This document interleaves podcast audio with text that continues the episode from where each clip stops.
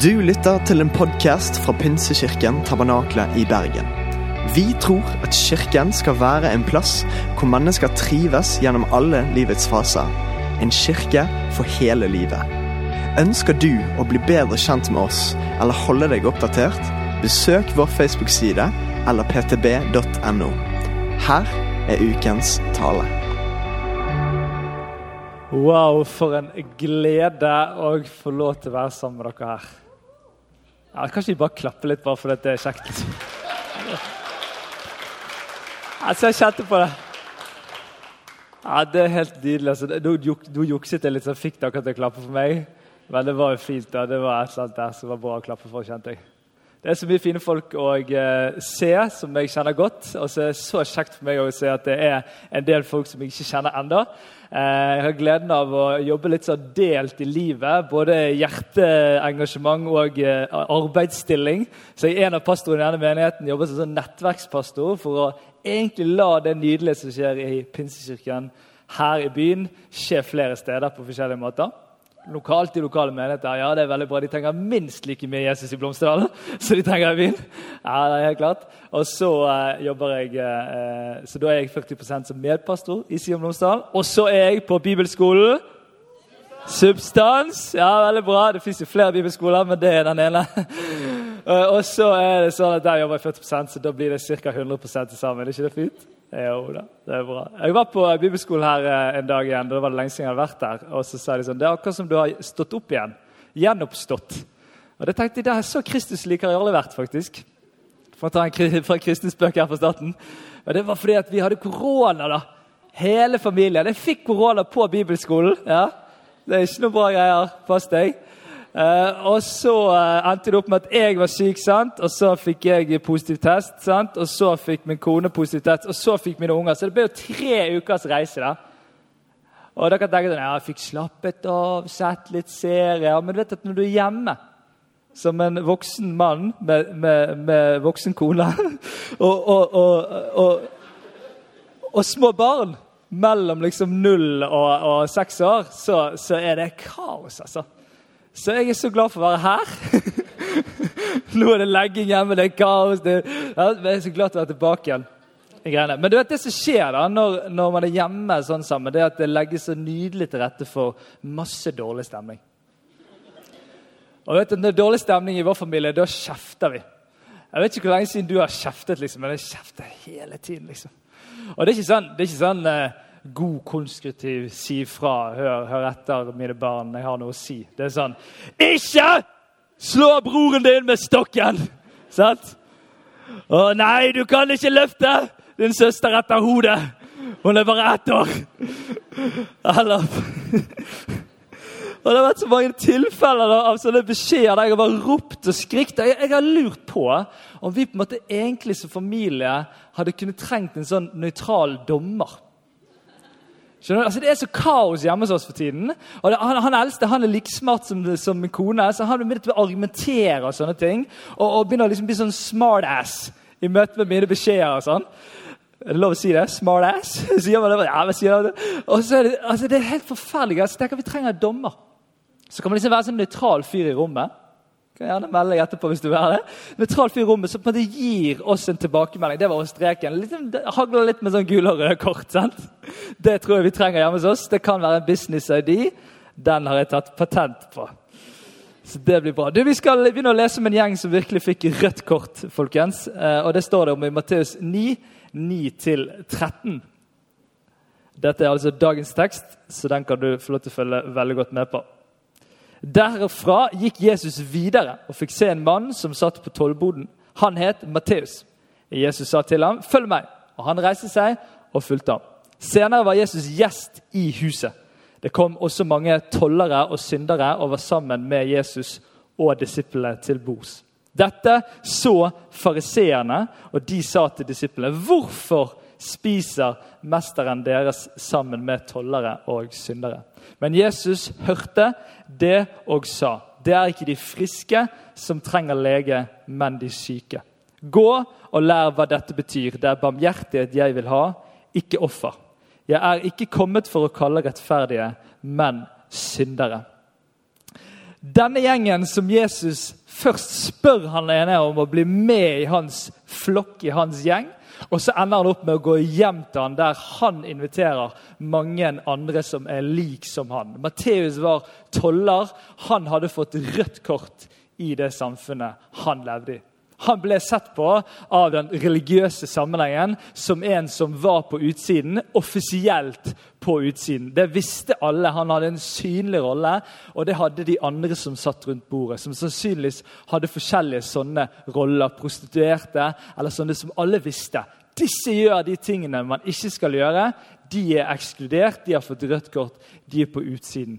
Og Så sitter Jesus sammen med dem. Og så kommer disse fariseerne, som er de religiøse lederne, som har lagd dette systemet, og så sier de Hei! Hvorfor spiser han rabbien, han lederen, han som egentlig er litt sånn som oss? Hvorfor spiser han og er hjemme sammen hos disse menneskene? Hva skjer? Jesus hører det, og mens han sitter ved bordet, så sier han jeg er ikke kommet for de friske, men for de syke.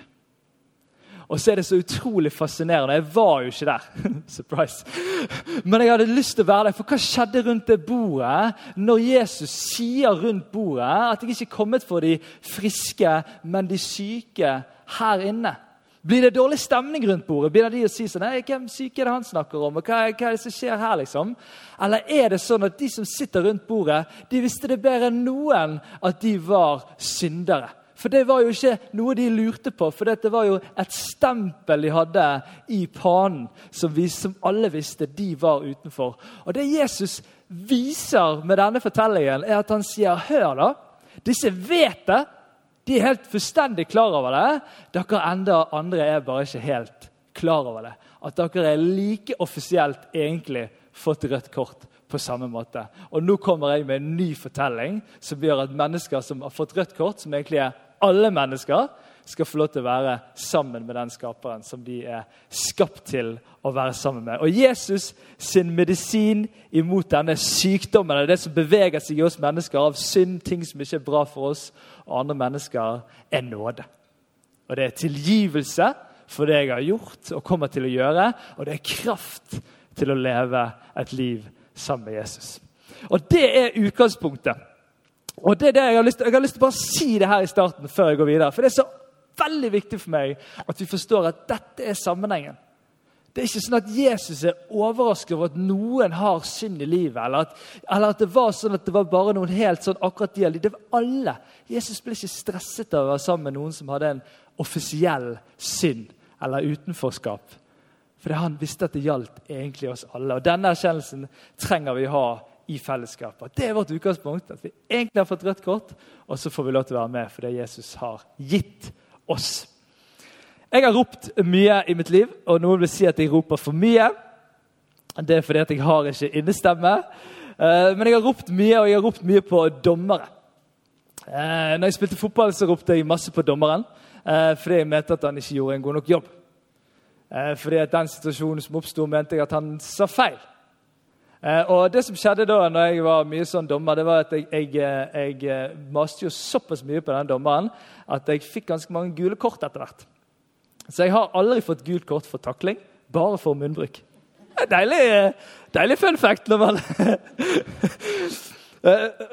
jeg har ropt mye, og det som skjedde var at jeg, jeg, jeg måtte til tider i forskjellige fotballkamper prøvde å ta rollen til dommeren. Jeg rett og slett liksom tenkte at ok, han her har ikke kontroll. Han vet ikke hva som er greia. Jeg tar over. Og det funket ufattelig dårlig. For det at Når dommer har blåst og bestemt seg for noe, så kan ikke gjøre om på det heller. Det er bare tull og dårlig bruk av energi.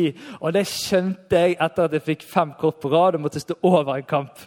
Da tenkte jeg nå må jeg roe meg i dette greiene. Av og til så tenker jeg på, eller Vi kan tenke på kristelivet som er litt som fotballkamp. ok? Her vi spiller alle sammen. Sant? Vi spiller vår del, vi gjør vår greie. Sant? Vi er på samme lag. Dette er bra. Vi trenger ikke tenke mye hva vi spiller mot. og sånn. Ikke gidde stress med bildet videre. Men liksom, vi er spiller. sant? Og så, og så, er det sånn at jeg har sett det, både i eget liv og, og i andre kristne rundt meg, at noen plutselig i dette livet som kristen plutselig tar plassen som dommer. Denne indre lysten til å sette noen på plass fordi de har gjort noe de ikke skulle gjøre. Eller denne indre trangen til å dytte noen litt lenger ned, sånn at jeg kommer litt lenger opp. Eller den gode følelsen av å kunne si at ja, du har jo virkelig kommet litt liksom skeivt ut i forhold til meg. Jeg ser egentlig ganske bra ut i forhold til deg akkurat nå. Matteus 7, 1-4 så står dette Døm ikke, for at dere ikke skal bli dømt. Etter dommen dere dømmer med, skal dere selv få dom. Og i samme mål som dere måler opp med, skal det måles opp for dere. Hvorfor ser du flisen i din brors eller søsters øye, men bjelken i ditt eget øye legger du ikke merke til? Eller hvordan kan du si til din bror la meg ta ut flisen av ditt øye når det er en bjelke i ditt eget øye. Din hykler! Å, det er et deilig ord. Jeg liker å si det. Skal vi si det? Din hykler! Ja, sant? Du kan bli kjeft og sånn Ta først bjelken ut av ditt eget øye. Da vil du se klart nok til å ta flisen ut av øyet til din bror. Altså Her Bibelen bare refser oss litt nå. Og det, det fortsetter. Så nå skal vi romerne. Romerne to, én. Derfor har du ingen unnskyldning, du menneske som dømmer, hvem du enn er. For når du dømmer en annen, fordømmer du deg selv. Du som dømmer, gjør jo det samme selv og vet at Guds dom med rette rammer dem som driver slikt. Hvorfor har det nesten blitt en godkjent greie å skulle sette seg som dommer over noen annen sitt liv? Og vi tenker alle vi gjør det ikke. Jeg har jo ikke sagt det direkte, jeg har bare sagt det til veldig mange andre. og så tenker vi liksom alle, Men så er det et eller annet jeg tror vi alle er i berøring med innimellom. Hvorfor har vi endt opp i dette når bibelversene Jeg har bare plukket ut to, og vi kunne plukket ut liksom hele kveld der vi kunne lest om at dette er ingen farbar vei. Her kan vi ikke gå som kristne og ta rollen som dommer overfor andre mennesker. Og Jesus er jo nesten ikke til å kjenne igjen når han tar oppgjør med de menneskene som dømmer andre på den tiden han går rundt. Altså det Hvis du leser om den tiden når, når Jesus liksom virkelig setter på plass de religiøse lederne, så er det ikke til å kjenne igjen gode, gode gamle Jesus. nesten. For Han blir så sint og han sier så mange stygge ting til dem for å beskrive hvor langt ute de er med den måten å være på overfor andre mennesker.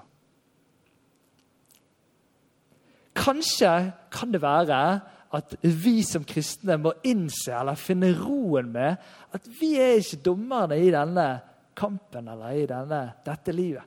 Det er ikke vår plass. Du vet at Jesus har invitert oss til å gjøre utrolig mye av det som han gjorde. Han har invitert oss til å gjøre så mange av de tingene som han gjorde. Og så er det noen ting han ikke har invitert oss til. Og En av de tingene er faktisk å være dommere og dømme over andre mennesker. Og det syns jeg faktisk er ganske gode nyheter.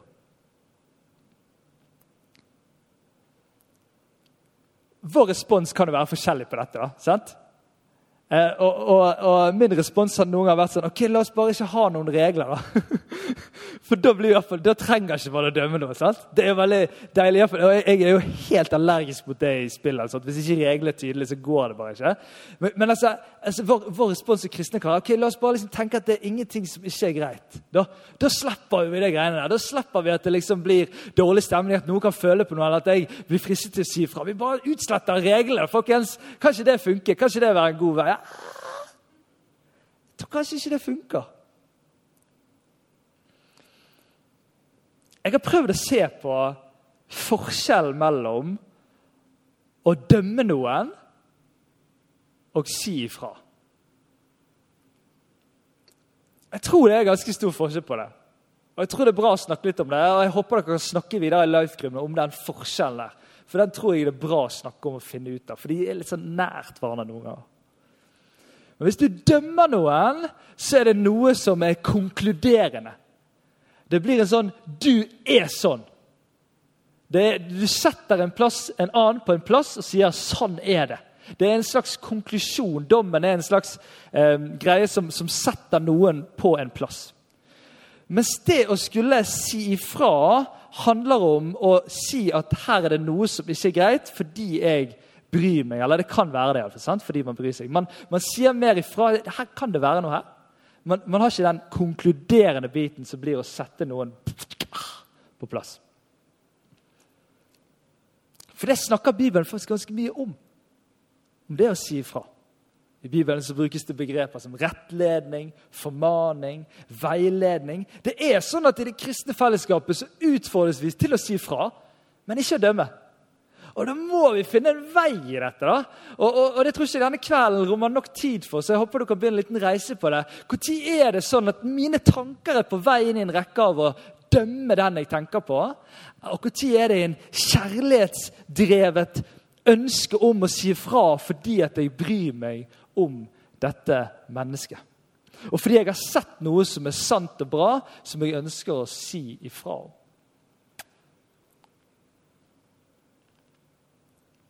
Jeg tror vi må tørre å si ifra. Det er første tingen jeg har lyst til å si. Jeg tror vi trenger det. Jeg har iallfall trengt det så grådig mye. Jeg er så glad for å ha vært en del og er en del av et kristne fellesskap som sier ifra til meg. Så tør å si ifra. Men pass på avstand når du sier ifra. For du vet at det er så stor forskjell når jeg kjefter på ungene mine. For Hvis jeg roper til f.eks. Alfred på seks år, som sitter i sofaen der borte, og roper til han noe han ikke skulle gjort, som var dumt, og greier, så er det et eller annet med den avstanden som skaper Det skaper noe dårlig. Det jeg har skjønt at jeg må gjøre med min sønn Alfred Kan det være jeg ut av lyset her? det går bra, det er at jeg må gå bort til han i sofaen. Og så må jeg sitte med ned ved siden av han, og så må jeg få øyekontakt. Og så må jeg ofte ta litt på han for at han skjønner greiene, liksom, at jeg er her nå er jeg her, liksom, får kontakt. Og komme nært på. Og så må jeg si sånn Du, Alfred. Det at du slo din bror i hodet med en stokk nå, sant? det kan man ikke gjøre. Han får skikkelig vondt. Jeg tror at du skal gå og si unnskyld, og så tror jeg du ikke skal gjøre det en gang til. Og Det er så utrolig enkel greie. da. Og det, Som forelder så bommer jeg på det liksom ni av ti. Jeg går alltid for den der Aah! Ah! og roper, Det er liksom det er et eller annet naturlig i meg da, som bare gjør det. Og, og Sånn har det faktisk vært litt i kristelivet mitt òg. Jeg er litt, litt mer naturlig for å skrike og liksom bare si fra. Hva skjer liksom? Men det der å sette seg ned med siden av og komme nært, da er det sånn at jeg tror at min sønn opplever at jeg er glad i han og vil han vel med det jeg sier ifra om. Og vet, jeg vet at Det høres helt banalt ut, men vi er så himla dårlige på det som kristne.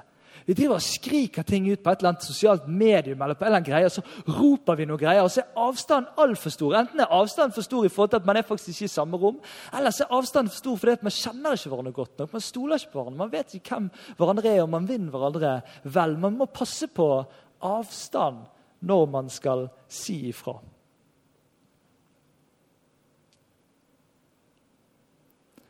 Og så må vi i Norges land spesielt slutte med VM i å være krenket. Og jeg vet, jeg vet, at du blir krenket av at jeg sier det.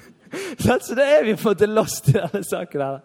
Men det er VM i å være krenket i vårt land for tiden. Alle blir krenket hele tiden. Og Det betyr at vi har begynt å bli redd for å si ifra. For tenk hvis de føler noe litt vanskelig når vi sier ifra. Og så blir det en sånn greie som gjør at det binder oss i forhold til å snakke sant noen ganger. Jeg, jeg, jeg er ikke så smart, men jeg er gift med en smart kone. sant? Og Det gjør at jeg på en måte er blitt ett med henne.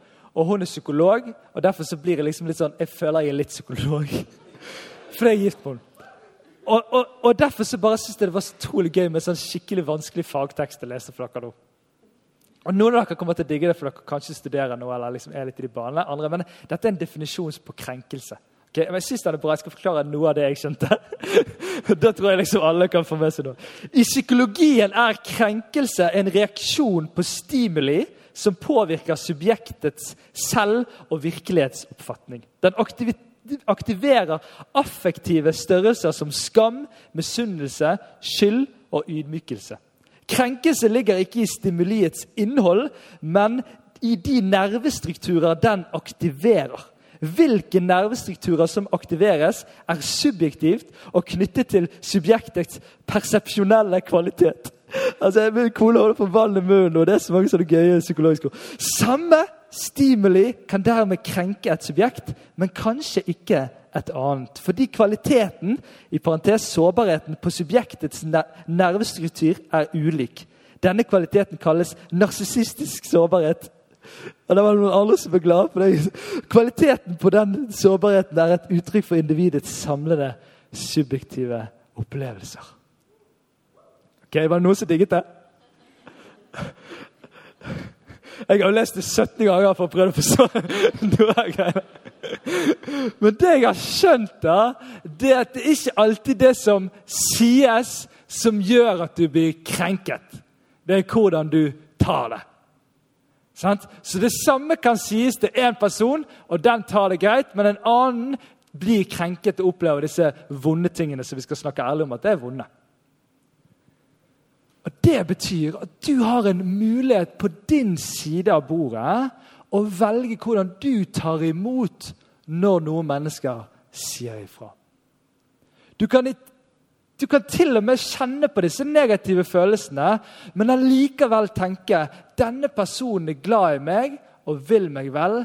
Jeg vil høre på det. Jeg vil ta imot. Det betyr at du har en mulighet på dette til å være annerledes enn den verden vi lever i i dag. på dette. For det, nå er det sånn at ingen av oss nesten tør å si noen ting. Og hvis vi sier noe, så fins det en sånn offerets trumfkort som da bare kan si at den er krenket, og så blir alt det som blir sagt, feid vekk. Men hør, vi trenger å være litt mer autentiske i det kristne fellesskapet. Litt mer nære med hverandre i møte med disse vanskelige tingene. Da tror jeg vi finner noe av det som Jesus inviterer oss til i det kristne livet og det kristne fellesskapet. All right? De som vil, kan få denne teksten av meg, og det kan de få ved å søke på Wikipedia. på å være krenket. Ok. Så vi skal ikke dømme hverandre, men vi skal si fra. Og hvis ikke vi skal dømme hverandre, så skal vi heller ikke dømme andre mennesker utenfor dette fellesskapet, eller utenfor det kristne fellesskapet. Min mor satt og snakket med min søster, og min mor sa sånn som dette her 'Jeg skjønner ikke han der Justin Bieber. Er han kristen i det hele tatt?' Hun snakker sånn. Og Så sitter min søster og sier hun, 'Hva vet du, mamma, om Justin Bieber og hans tro?' Egentlig. Og Guri, altså! Hun fortalte dette sjøl. Håper ikke hun hører podkasten. Vi har en tendens til å snakke om spesielt offentlige personer, men vi snakker om noen som om at de er utenfor på en eller annen måte, eller de har ikke tro, eller pga. de tingene vi ser, så kan det ikke være noe ekte tro der. Det er Min opplevelse av å begynne å snu det til å leite etter tro i mennesker, gjør at jeg finner tro flere steder enn jeg skulle ane. Til og med i Blomsterdal. Det er helt nydelig hvor mange ganger jeg blir overrasket over at ikke jeg har konkludert på forhånd at denne personen har ingenting forhold til Gud fordi at jeg ser måten den lever på, eller hvilke valg den har tatt. Når jeg kommer ut i samtalen, så kommer vi berørt med at her fins det noe. Ja, det fins potensial og mulighet for mye mer, men her er det noe. Og det er faktisk sånn at Jesus den rollen Jesus har av å komme igjen for å dømme levende og døde, som en rolle vi ikke snakker så mye om, men som er en del av Jesus sin oppgave, den er fortsatt bare hans og ikke vår. Vi har fått noen signaler og noen tydelige beskjeder om hva som skal til for å bli en kristen. Men vi er ikke satt til å bestemme om noen er det eller ikke. Og hvis vi ikke kan dømme hverandre eller andre, så kan vi heller ikke dømme oss sjøl. Du kan erkjenne og bekjenne ting som ikke er bra i livet, men dommen er faktisk ikke din oppgave. Fordi at fortsatt så er det sånn at vi mennesker ender opp med setningen 'Jeg er bare sånn', eller 'sånn er jeg' når noe er negativt eller noe man gjør. Og Så defineres det som identitet, og så tas det inn, og så blir det en dom over livet vårt. Du har heller ikke rett til å dømme deg sjøl. Det er faktisk ikke din rolle. Og For meg da, så er dette vanvittig gode nyheter. At jeg slipper i denne komplekse verden av så mye greier som skjer, og så mye mine venner rundt meg og kristne brødre og søstre og alt mulig greier. Jeg trenger ikke å ta rollen eller kjenne på ansvaret av at jeg skal være dommeren. Og det trenger heller ikke du. Og så kommer et spennende spørsmål. da. Og det er jo om Jesus er en rettferdig dommer. Det er jo han som er dommeren her, både nå og skal være det til evig tid. Er han rettferdig? Du vet at Vi har jo et forhold til rettferdighet til en sånn type fortjenthet. sant? Det er rettferdig. Når en dom er rettferdig, så får man en straff i forhold til det som man fortjener. Og Her er det litt spennende å forholde seg til Jesus. da. Jeg tenker Hvis, hvis vi hadde overført dette i fotballverdenen, så hadde jeg hatt utfordringer med Jesus på fotballbanen som dommer. For at Jesus kommer med noe tydelighet og klarhet, men samtidig denne, dette nådesperspektivet som gjør at hans rettferdighet er at noen får en ny sjanse når de har brukt fem sjanser allerede. Altså Rettferdigheten blir at noen blir tilgitt når de igjen har gjort noe de ikke skulle gjøre. Rettferdigheten blir noe annet enn den rettferdigheten vi naturlig tenker på som rettferdig at noen får som fortjent. Og En liten historie om Peter og Jesus. De har mange gøye replikker med hverandre. og Det er så gøy med Peter, for han, han på en måte utfordrer litt og, og konkretiserer litt. Så I Matteus 18, 21-22 så går Peter til Jesus og spør. Herre, hvor mange ganger skal min bror kunne synde mot meg, og jeg likevel tilgi ham? Så mange ganger som syv. Og da svarer Jesus ikke. Sju ganger, svarte Jesus, men jeg sier deg 70 ganger sju. Og Peter tror han er flink gutt i klassen, for den normale normen blant de religiøse lederne på den tiden var tre ganger skulle du kunne tilgi. Det var sjansene du fikk. Så Peter har skjønt at Jesus han er litt annerledes. Jeg legger på syv! Altså, jeg ser for meg han er litt sånn fornøyd. Syv! Syv, Jesus! Og så, og så, og så svarer Jesus sant, på en sånn matematisk greie. Sant? Og noen liksom, vet jo hva det er, og det kan godt være noen av de skjønte det. Men hvis du begynner å tenke på syv ganger 77 og så tenker du at det, det, antallet som kommer, skal du tilgi den samme som har gjort noe feil mot deg, igjen og igjen. Så blir det noe som blir at du egentlig får beskjed om å liksom tilgi i det uendelige, nesten. Det er det som blir forståelsen. Om det er det matematiske som stopper gjengen som hører på, eller om det er erkjennelsen av oi, skal jeg den samme venn, den samme tilgi når det har skjedd så mange ganger som syv ganger 77.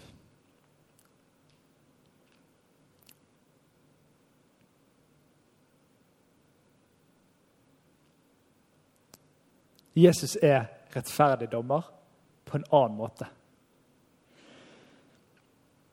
Ok, Bli med på en liten reise. reise. Vi, vi, skal ut og spise på en av Bergens beste restauranter. Og, og, du har hørt om denne restauranten. Du har hørt noen sagt sånn Det er helt sinnssykt god mat der. Det er bare sånn Det er det beste du får noen plass i hele byen. Der må du gå og spise. Du tenker Yes. Setter av en dato i kalenderen. Tar på meg finstasen og en jeg er glad i, eller flere jeg er glad i. Og så går jeg mot og til den restauranten for å oppleve dette. Jeg har ikke spist på flere dager, sant? fordi at man skal ikke spise denne gode maten. Så kommer man til restauranten. Man går inn i restauranten. Man får beskjed om at man kan sitte her borte, og så får man menyen i hånden. Og I denne menyen så står det ikke matretter, men det står aktiviteter du kan gjøre på restauranten.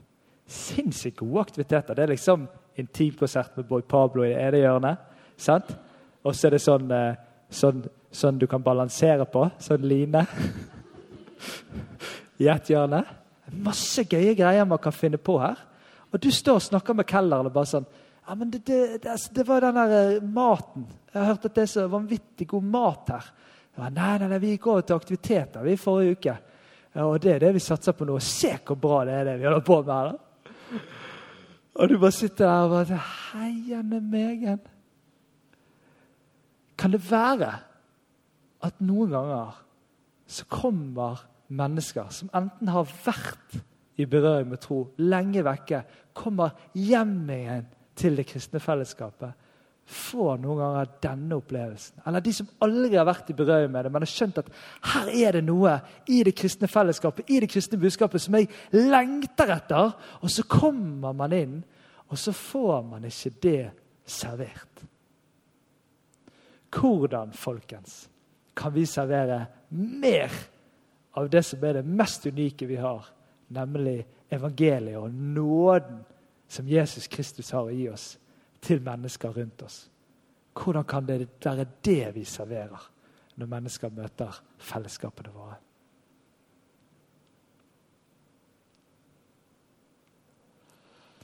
Du vet at nåden er som en rett. Ja, Du kan lese om retten og du ser hva det er, du kan få vann i munnen og greiene, men du må òg oppleve den. Derfor så er det sånn at nåden kan formidles, og skal formidles gjennom ordet som forteller om hva nåden er, hva den kan gjøre. Og ordet kan virke, men det kan ikke virke alene hvis ikke det treffer liv som praktiserer nåden med hverandre og i fellesskap med hverandre. Du vet at nåden den virker i fellesskapet når vi begynner å praktisere den i møte med hverandre. Det betyr at den får ikke den kraften. Den blir ikke det den skal være når den blir en snakkegreie eller en tenkegreie. Den blir det når det er det en snakkegreie og en tenkegreie og noe som jeg handler på og gjør. Så skal nåden erfares i Pinsekirken, Tabernakle, så er det du som har nøklene i dine hender. Så er det du som har muligheten til å praktisere det i møte med mennesker rundt deg. I møte med mennesker utenfor dette fellesskapet og i dette fellesskapet. Det er ikke en ledelsesgreie eller noe noen smarte folk kan skrive et eller annet handlingsplan om, og så kan vi komme der. Det ligger hos deg.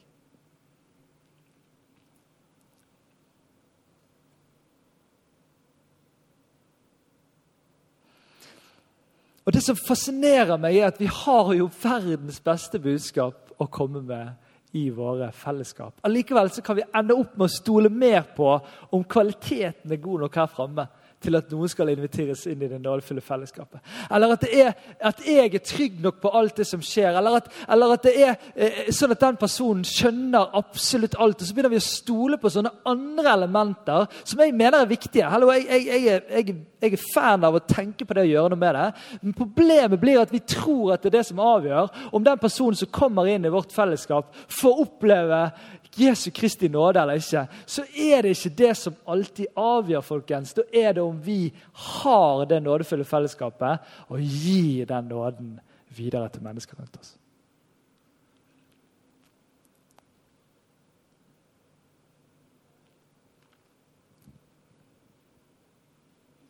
Enhver menighetsfortelling og kristent liv har vanskelige opplevelser i sin erfaring. Og Det er fordi at det er mennesker sammen, om det er i menighet eller om det er i andre sammenhenger. Og Da kan det bli litt trøblete og litt utfordrende. Og det som er, er at Jeg tror at vi trenger å rydde underveis når ting blir vanskelig.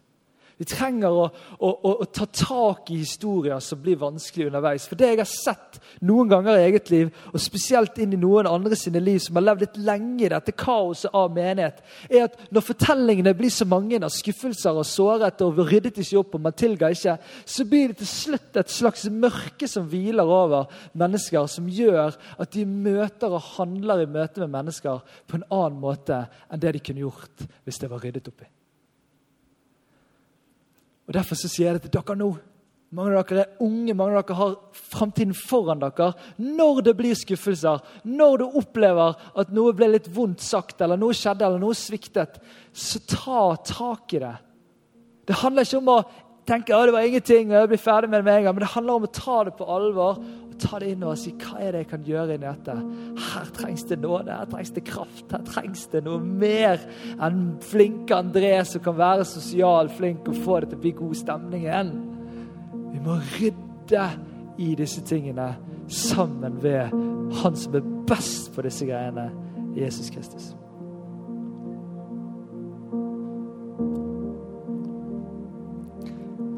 Jesus han roper ut noe i starten av sin tjeneste. Han liksom definerer hva han er kommet for, hva han skal gjøre. I Lukas 4, 18-19 så sier han Herrens ånd er over meg. For han har salvet meg til å forkynne et godt budskap for fattige. Evangeliet oversatt 'godt budskap'. Han har sendt meg for å rope ut at fanger skal få frihet, blinde skal få syn igjen, og for å sette undertrykte fri. Og så sier han det til slutt for å rope ut et nådens år fra Herren. Og det er noe jeg drømmer om at kristne menigheter roper ut, så er det sånne nådens år. Og at det er det som høres på utsiden. At det er det som merkes rundt oss og i det. Det er at det ropes ut på ny og på ny et nådens år. Det er ikke bare dette året, det er ikke bare neste år. Det er Vi lever i nådens tid. Det kan vi få lov til å erfare og stå i sammen med den 100 rettferdige dommeren Jesus Kristus. Så bare er litt annerledes rettferdig enn det vi er vant til å tenke på. Og så kan vi få stole på ham. La oss be sammen. Vi kan reise oss opp når vi skal be.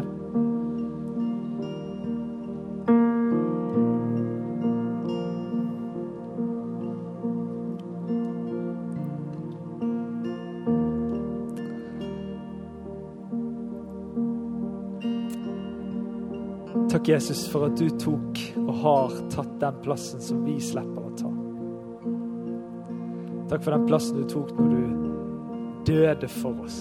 Når du tok all verdens synd og urettferdighet på deg og gjorde det mulig at alle vi som har fått rødt kort, kan få lov til å komme på innsiden i fellesskapet med deg.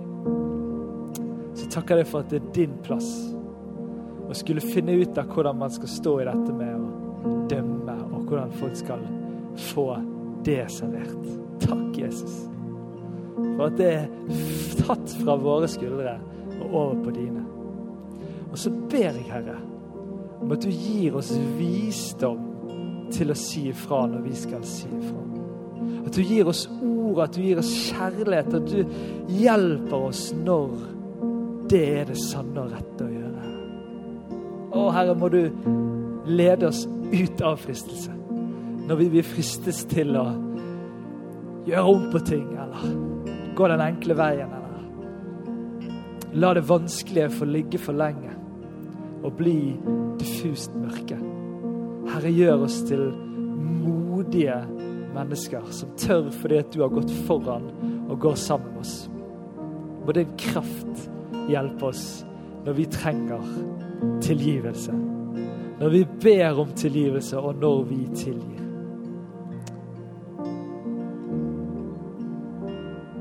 Kom, Hellige Ånd, og minn oss på de tingene vi trenger som minnes på i forhold til dette. Mennesker, fortellinger, situasjoner. Og vis oss en vei herfra og videre. I ditt navn, Jesus. Ditt ene og sanne navn, som er det vi stoler